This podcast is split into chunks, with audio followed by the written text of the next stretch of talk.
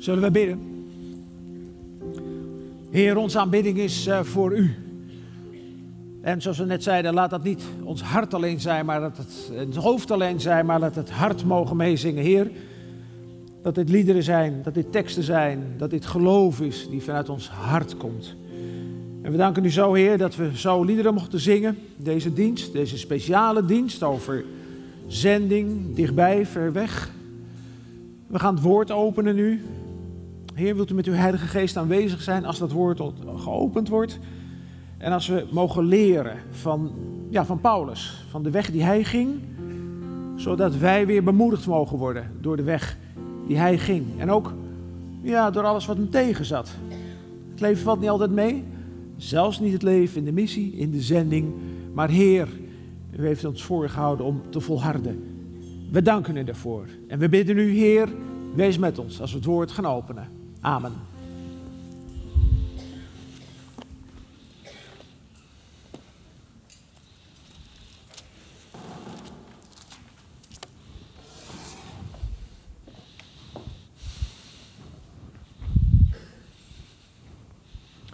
Goedemiddag. Ik ga met jullie eh, twee gedeeltes lezen. Eén aan het begin van de preek en één ergens halverwege. En er zitten nogal wat plaatsnamen in, want het gaat over de tweede zendingsreis van Paulus. Maar er komt zo meteen hier een, eh, een bord, is mij beloofd. En dan loop ik even met u, loop ik eventjes uh, die plaatsen langs. Ik ga er wel vanuit dat de mensen die vroeger goed hebben opgelet op catechisatie, toen u nog op catechisatie zat of op de Alpha-cursus, op, op een bijbelstudie van de evangelische beweging, dat u weet bij de tweede zendingsreis van Paulus, doe even met me mee, Neapolis, Filippi, Thessalonica, Berea, Korinthe, Athene, Efeze. Ja hè? Ja, mooi. Iedereen. Nou, daar gaan we het over hebben. Paulus is op zijn tweede zendingsreis. En er staat in Handelingen 17. Via Amphipolis en Apollonia reisden ze naar Thessalonica, waar de Joden een synagoge hadden. En zoals gewoonlijk ging Paulus naar hen toe en drie sabbatdagen achtereen debatteerde hij met hen. Aan de hand van tekst uit de schrift toonde hij aan dat de Messias moest lijden en sterven en daarna uit de dood moest opstaan. Deze Messias, zo zei hij, is Jezus die ik u nu verkondig. Sommigen lieten zich overtuigen en sloten zich aan bij Paulus en Silas, evenals veel Grieken die God vereerden en een groot aantal vrouwen uit de hogere kringen. Maar die Joden die het geloof niet hadden aanvaard, die werden vervuld van jaloezie en riepen enkele raddraaiers te hulp, die een volksoploop veroorzaakten en grote beroering in de stad teweeg brachten. Ze trokken naar het huis van Jason om Paulus en Silas aan een volksgericht te onderwerpen. Maar toen ze daar niet aantroffen, sleepten ze, ze Jason en enkele andere leerlingen mee naar de stadsprefecten tegen wie ze schreeuwden. Deze mensen die in het hele rijk de orde verstoren, zijn ook hier aangekomen. En ja, Jason die heeft ze onderdak verleend. Allemaal overtreden ze de verordeningen van de keizer door te beweren dat deze andere de echte koning is. Ze hadden gelijk. De te hoop gelopen menigte en de stadsprefecten raakten in verwarring bij het horen van deze woorden. Jason en de anderen werden vrijgelaten en diezelfde nacht stuurden de leerlingen Paulus en Silas naar Berea. Ik ga zo meteen hier eventjes wat, uh, wat op laten zien. Waar gaat het over? Dit is een, uh, dit is een dienst waarin uh, we terugkijken op een paar kort verband vrijwilligers. Waarin er in de zaal een aantal mensen zit die misschien van de zomer naar, ik hoor de plek als Manila en, uh, en Israël gaat. Mensen die misschien nog overwegen, uh, zullen we meegaan? En is de vraag, hoe gaat dat dan als je in het koninkrijk van God werkzaam bent? Maar het gaat niet alleen over mensen vanochtend, vanmiddag, die uh, kort verband vrijwilliger zijn geweest. Het gaat niet alleen om mensen die erover denken om naar Manila te gaan, of de Palestijnse christenen en de Messias beleidende Joden in Israël te gaan helpen. Unieke combinatie trouwens. Um, maar het gaat eigenlijk ook, en met name over u en over mij. Want het gaat, gaat ook bij u en bij mij over de vraag, als wij dat evangelie verkondigen, zoals ze zo hoorden dat Paulus dat deed, werkt dat een beetje als u het doet in uw hele eigen omgeving? U hoeft geen vingers op te steken, maar na de eerste dienst heb ik al zoveel gehoord. Er zitten hier zoveel mensen hier vanmiddag. Oudere mensen. Waarvan een van de kinderen, of alle kinderen, niet meer naar de kerk gaan. En dus, dat dus moet je tussen aanhalingstekens zetten, dat weet ik. En niet in God geloven. Er zitten hier zoveel mensen vanmiddag in de kerk die wat ouder zijn. Waarvan niet alleen de kinderen, sommige kinderen, niet naar de kerk gaan. Maar ook de kleinkinderen. Dus niet meer. Ik sprak ze vanmorgen bij de uitgang. Na de eerste dienst. Met tranen in de ogen. En je probeert, als ouders en als grootouders, je probeert wat te zeggen. En je voelt ook dat je soms niets moet zeggen. De kinderen komen. En de kleinkinderen komen. Maar als je te veel zegt, dan komen ze niet meer. Kent u dat? Ja. En dat is een groot verdriet in de christelijke gemeente. Niet alleen hier in Drachten. Net zo goed waar was ik vorige week? In Nijkerk. En volgende week in Vuren. Een groot verdriet in de christelijke gemeente. Dat er zoveel toegewijde mensen zitten, ouders, grootouders. Waar de volgende generatie het geloof op welke manier dan ook vaarwel heeft gezegd. En wat doe je dan? Dus de preek van vanochtend is niet een preek alleen voor teruggekomen mensen met kort verband, of een, bijna een jaar zag ik. Niet alleen een preek voor mensen die hier erover zitten na te denken van, zullen wij van de zomer, of misschien wel, zullen wij volgend jaar zomer? Nee, nee. Het is een preek voor ons allemaal. Waarom ik Handelingen 17 heb opgeslagen? Ik was daar een paar maanden geleden. Ik heb de tweede zendingsreis van Paulus heb ik gemaakt. Dat is een schitterende reis overigens. Met een man of tachtig, twee bussen, gingen we die zendingsreis gingen we terugmaken. En het begon vlak bij Troas. Het thema van de preek is ook van Troas naar Drachten en verder. Wij zaten in het, Paulus zat in het oosten van Turkije. Azië, Bithynië daar. En daar staat er in handelingen, de Heilige Geest hield hem tegen. Paulus had plannen. En de Heilige Geest zei tegen hem, nee Paulus, dat gaan we niet doen. Paulus wilde in Turkije blijven, terug naar Galatië. En de geest zei tegen hem, nee Paulus, gaan we niet doen. Merkwaardige tekst in Handelingen 16. Dus Paulus die, die, die zit even op een doodpunt. Hij zit op een doodpunt. Hij weet niet waar hij naartoe moet. En op een nacht heeft hij een droom. En in die droom, hij zit nog in Turkije, Troas zit hij, en krijgt hij een droom. En er staat in die droom staat een man, een Macedonische man staat en die zegt, kom over en help ons. Paulus wordt wakker en zegt tegen zijn maten, Silas, Timotheus en Lucas, ik weet het, we moeten naar, ja, Europa. Dat was hij niet van plan. Hij wilde terug naar Turkije. Ooit wilde hij een naar Rome en Spanje, maar nu nog niet. En dan krijgt hij een droom en dan gaat hij naar ons. Deze preek gaat over de vraag ook hoe het kan dat het evangelie vanuit Turkije naar Drachten is gekomen. Bij u en bij mij. En nu komt het. Hij vaart over. Het is Gods bedoeling. En hij komt daar en daar staat niemand. Niemand. Hij komt aan. En hij dacht, misschien staat er een soort welkomstcomité. Of zo'n mooie orkest te spelen. Niks. En dan gaan ze maar lopen in het land wat God hem heeft gegeven. De Via Egnatia.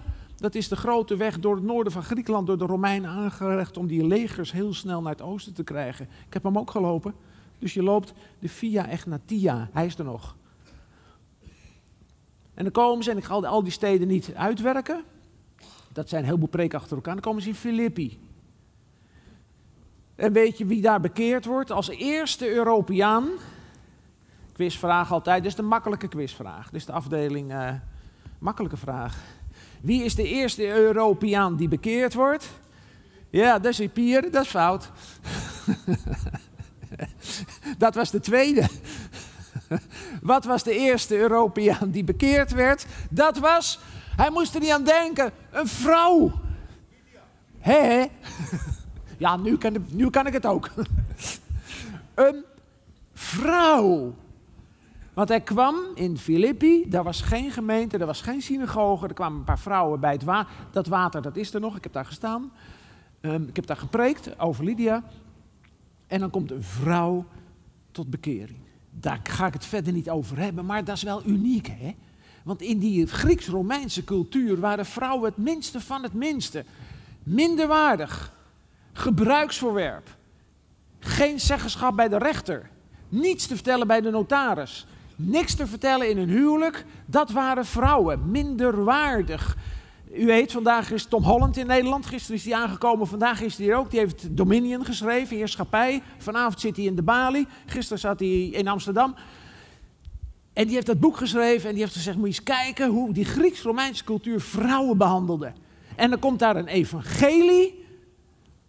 En de eerste, de beste bekeerd is een vrouw. En het evangelie zegt: top. Het evangelie zegt: ja, de eerste bekeerde was een vrouw. Ja, kon we ook niet helpen. Jammer zeg, hè? jammer. Nou ja, goed, volgende. Vrouw. Hij komt in Filippi, krijgt een gedoe met een waarzegster. Hij wordt in de gevangenis gegooid, die is er ook nog overigens. En wordt de stad uitgegooid. Van Filippi gaat hij naar Thessalonica, noorden van Griekenland. Daar preekt hij drie weken, dat heb ik gelezen. En wat gebeurt er na drie weken? Ook daar wordt hij weer de stad uitgegooid. Door mensen die niet geloofden in de opstanding. En van Thessalonica moet hij vluchten naar Berea. Dan komt hij in Berea aan. Daar zijn er mensen die zeggen: We willen wel zien, Paulus, of het klopt wat jij zegt. Dat zijn de Berea-gemeenten geworden. Die gingen kijken in het Oude Testament of het klopte wat Paulus zei. Maar de mannen uit Thessalonica die hoorden dat Paulus in Berea was, dus die holden met hun, met hun met, ja, ik ben in Friesland, hè, met hun hooivorken holden ze naar Berea om Paulus uit Berea te krijgen. Nu ga ik even naar mijn kaart. Kaart, kaart. Kunt u hem goed zien? Ja, hè? Mooi, hè? Deze heeft Jacob gemaakt. Hier stond hij. Hij wist het niet meer. Hij heeft hier gezworven. Hij zag het niet meer zitten. En de geest zei: Weet je wat? Jij gaat daar naartoe. Griekenland. Hier is de eerste Euro Europeaan bekeerd. Lydia. Hij is de stad uitgegooid en reisde naar Thessalonica. Daar ging het een paar weken goed. Toen is hij ook hier de stad uitgegooid en ging hij naar Berea. Daar waren de mensen die zeiden: Nou, we moeten eens kijken of in het Oude Testament staat, of datgene wat jij over de Messias zegt, of, of dat klopt. Maar voordat ze dat ontdekt hadden, kwamen de mannen uit Thessalonica en die wilden hem hier de stad uitgooien. En toen hebben Lucas, Timotheus en Silas gezegd: Paulus, vlucht! En hij vluchtte over zee naar Athene.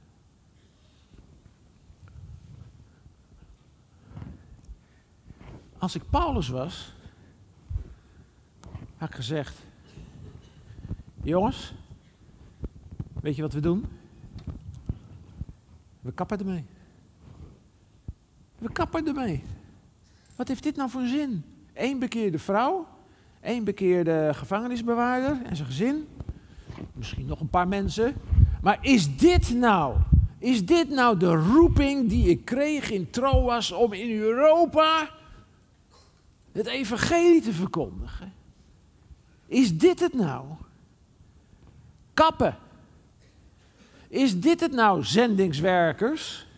Waar zijn de tientallen bekeerden? Waar zijn de nieuwe honderden gelovigen? Straks bij jullie in Israël, in de Palestijnse gebieden, in Manila, Kuala Lumpur.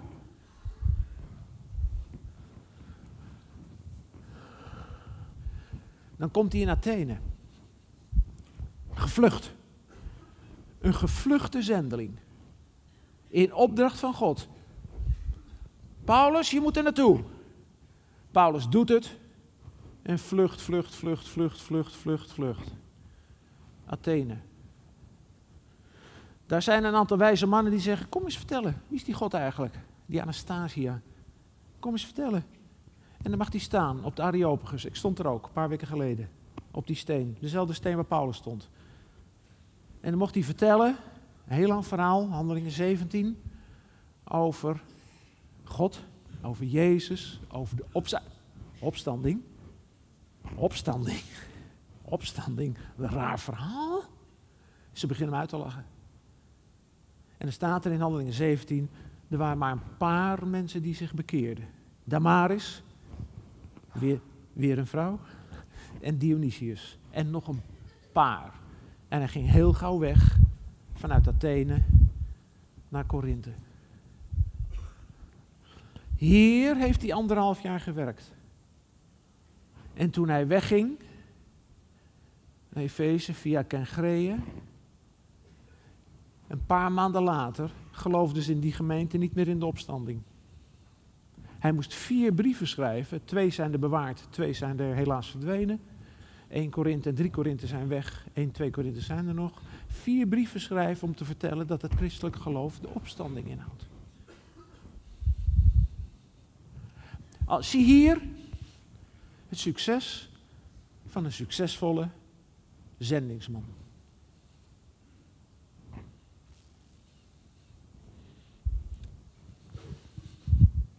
Ik zou het. Ik zou hier gekapt hebben.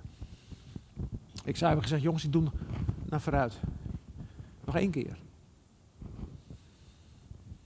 En als daar niet lukt, dan ga ik terug naar het gebied waar ze wel naar me luisteren.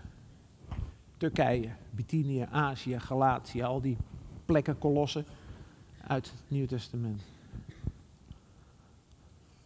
Ik zou gekapt hebben. Ik zou het niet gedaan hebben. Kent u dat? Kent u dat? Beste mensen, als je straks naar Manila gaat, Israël, harde grond Israël, Messias beleidende Joden, Palestijnen, of naar een ander gebied, denk eens terug aan Paulus. Een man Gods, bijzondere roeping gekregen. Wat heeft God gedaan met hem? Hem zo op de proef gesteld. Paulus, wil je echt mijn evangelie verkondigen? Paulus, ga je ervoor. Ook als het werkje overal bij de handen wordt afgebroken. Beste mensen in Drachten, Andries, ga je ervoor. Ook als het werk bij de handen wordt afgebroken. Opa's en oma's in de zaal vanmiddag opa's en oma's, ouders, bidders, bidders voor uw kinderen die niet meer gaan, bidders voor uw kleinkinderen die niet meer gaan. Kapt u ermee? Kapt u ermee? Zegt u, het heeft toch geen zin. Ze geloven toch niet meer. Of steeds niet meer. Of mijn kleinkinderen weten niet eens meer waar ik het over heb. Want krijgen dat van thuis al helemaal niet meer mee. Of uw broer of uw zuster. Kijk eens naar Paulus. Kijk eens naar Paulus. Die dwars tegen al die omstandigheden die er tegen pleiten tegen Paulus en Silas en Timotheus zei: Jongens, niks, niks kappen. Niks kappen. We gaan door. Ik heb hier opgeschreven op een kaartje hoe het allemaal niet ging. Ik ga zo meteen iets vertellen hoe het wel ging.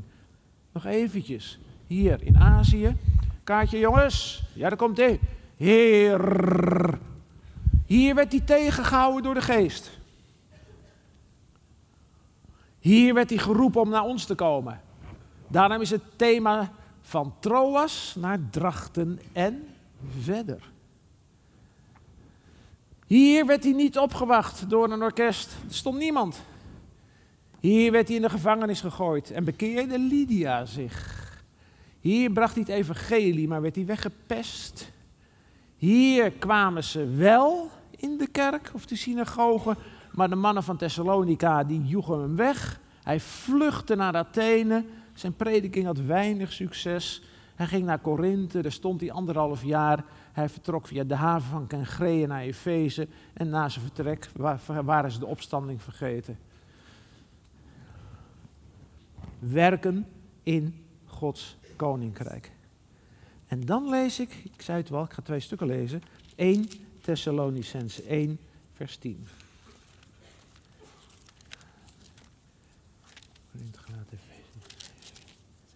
Efeze, Filippenzen. Maar goed dat ik al die Bijbelboeken nog achter elkaar uit mijn hoofd heb geleerd. Van voor naar achter en van achteren naar voren. Dus ik kan precies vinden. Wat schrijft daar Paulus daar? U moet weten. Hij is gevlucht. Timotheus is achtergebleven.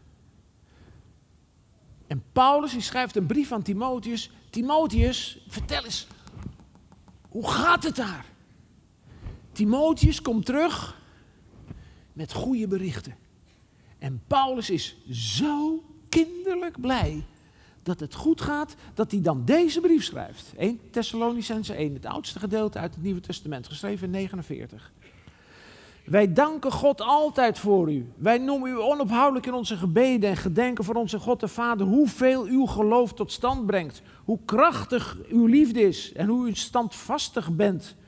God heeft u lief, broeders en zusters.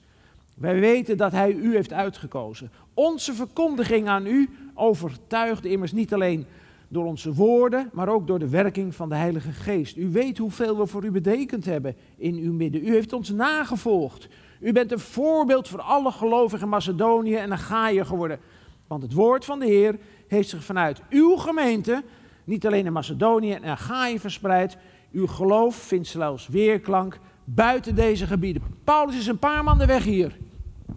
En hij schrijft een brief vanuit Korinthe naar Thessalonica en hij zegt, wat ik nou toch van jullie hoor, jullie zijn een voorbeeld voor de mensen in Macedonië, Achaïe en zelfs de buiten. Wat geweldig.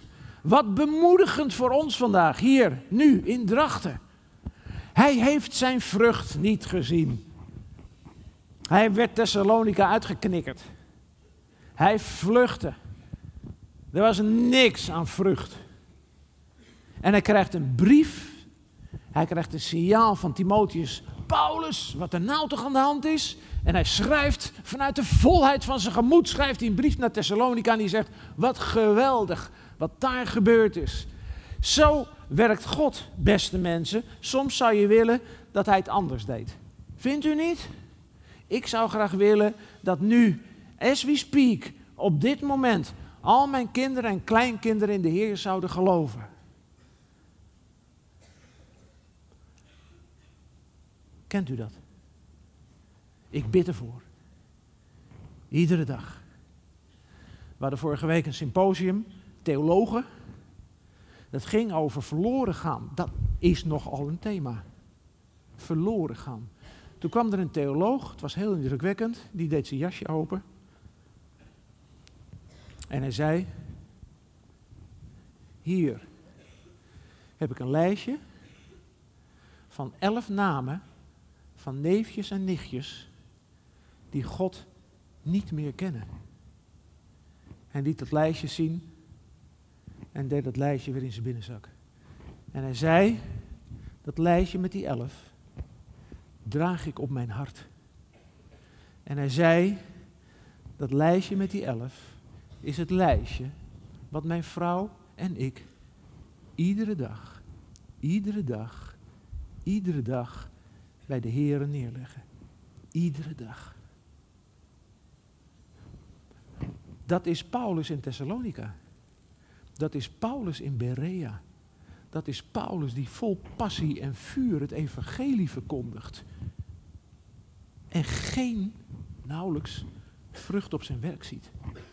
Dat is Paulus die een half jaar later een brief kan schrijven naar de Thessalonicensen, naar Thessalonica, om te zeggen, wat ik nou toch in mijn afwezigheid heb gehoord, zo geweldig. Ik vind deze reis, daar preek ik ook over vandaag, zo'n ontzettende bemoediging voor de kortverbanders hier.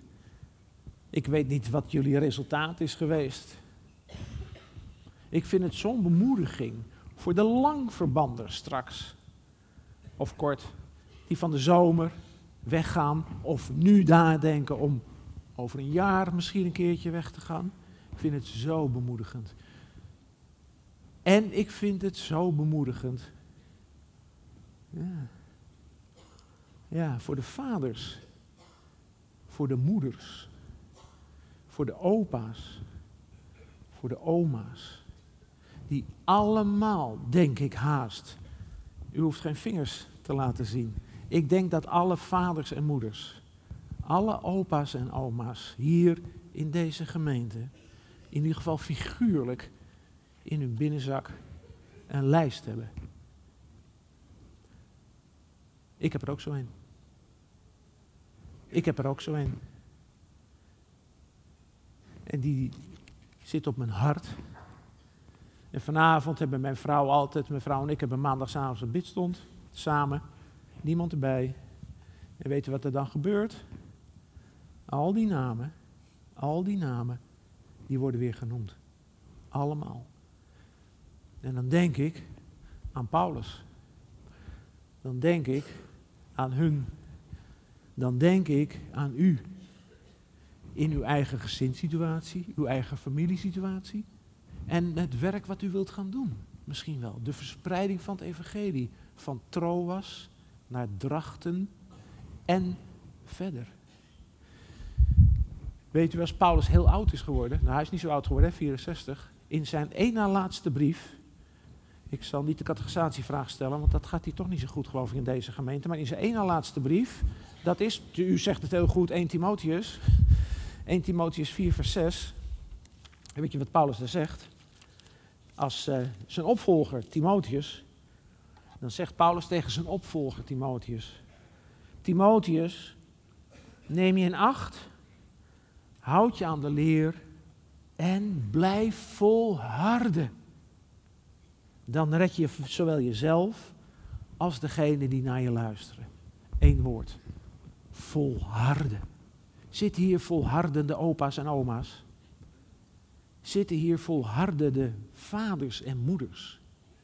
zitten hier volhardende, kort verbandvrijwilligers, hoe je het noemt, lang, maakt allemaal niet uit. Volharden in het geloof. Paulus zou gezegd hebben, ik, ik Paulus, zou gezegd hebben, hier, toen hij in een boot moest vluchten, weet je wat Silas, we gaan hier zo, we gaan zo, ik kap ermee. Zinloos. Wat gebeurt er nou? Niks. Verkeerde droom. Ik had me ingebeeld. Ik dacht het. Het was niet zo. Kom op jongens, met de boot. Terug naar Troas. Of naar Eversen. Zou ik gedaan hebben. Ik, de ongelovige Paulus. En de gelovige Paulus zegt. Silas, Timotheus, de boot in. We gaan verder. Want we zijn nog volkeren belangrijke volkeren, Athene, Korinthe, die niet bereikt zijn. Weet u hoe het komt dat Paulus dat allemaal kon doen? Dat staat in 1 Thessalonicense 2. En ik heb een aantal highlights eruit gehaald. Dat hoeft u niet op te zoeken, die gaan we nu bekijken. Als het goed is, gaan we die nu bekijken. Zes teksten uit 1 Thessalonicense 2 die het karakter van Paulus weergeven. Weergaven, weergeven, Weergaven, weergeven. Daar zijn ze, althans daar. Ziet u ze ook? Ik zie ze wel. Ja, daar komt hij, hè?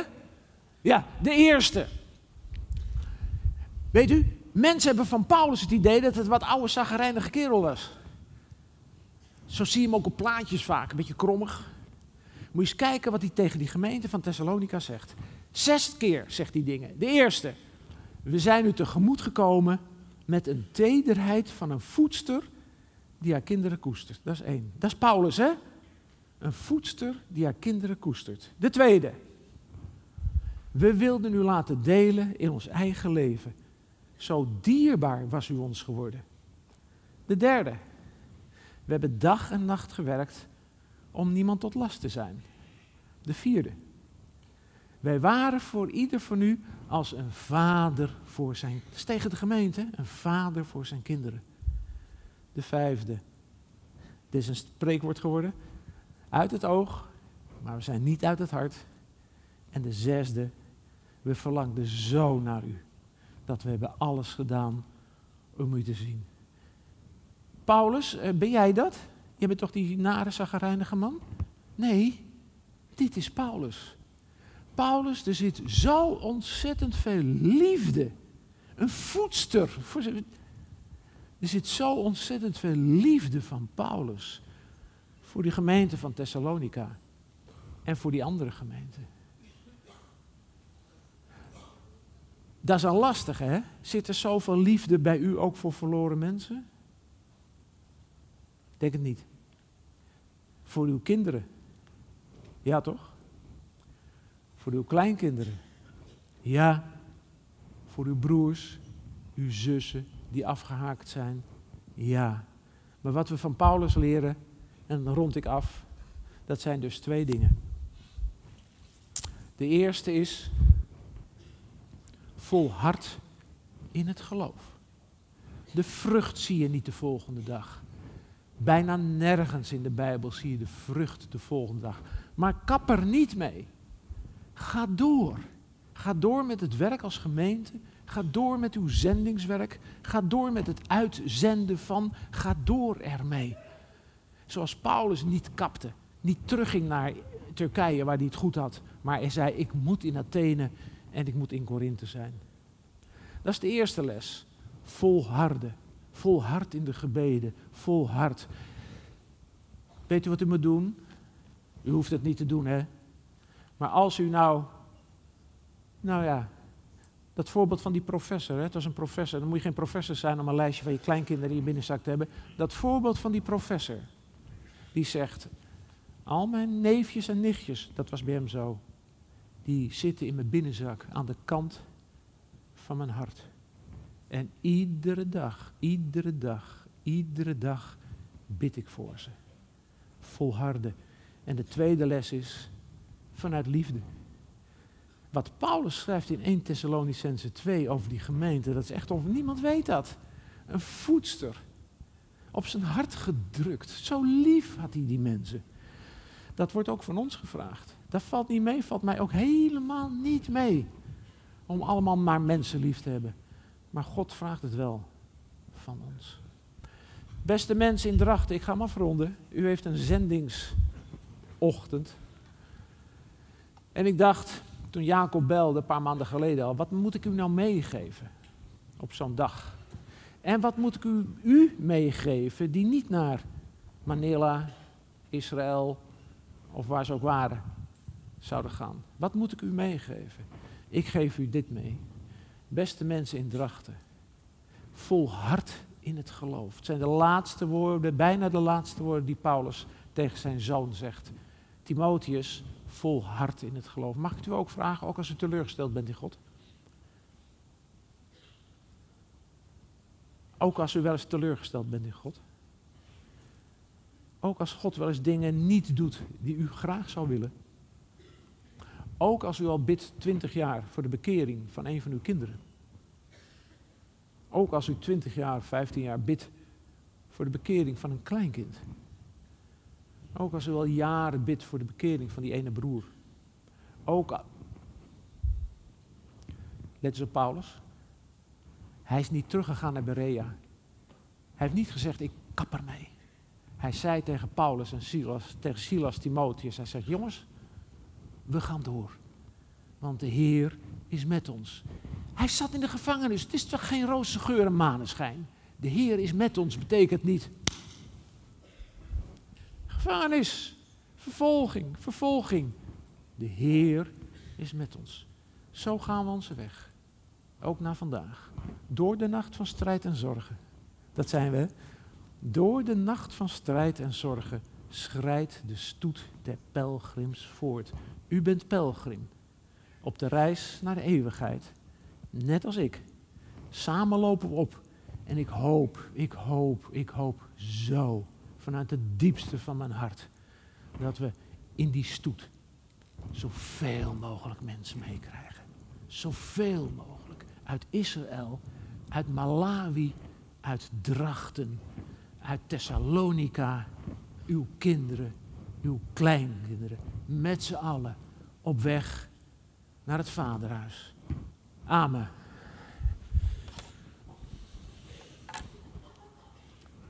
We gaan danken. Heer, wat een voorrecht om zo met elkaar na te denken over uw dienstenecht Paulus. En wat een les voor ons. Hij kapte er niet mee. Hij ging door. Er waren teleurstellingen. En hij ging door.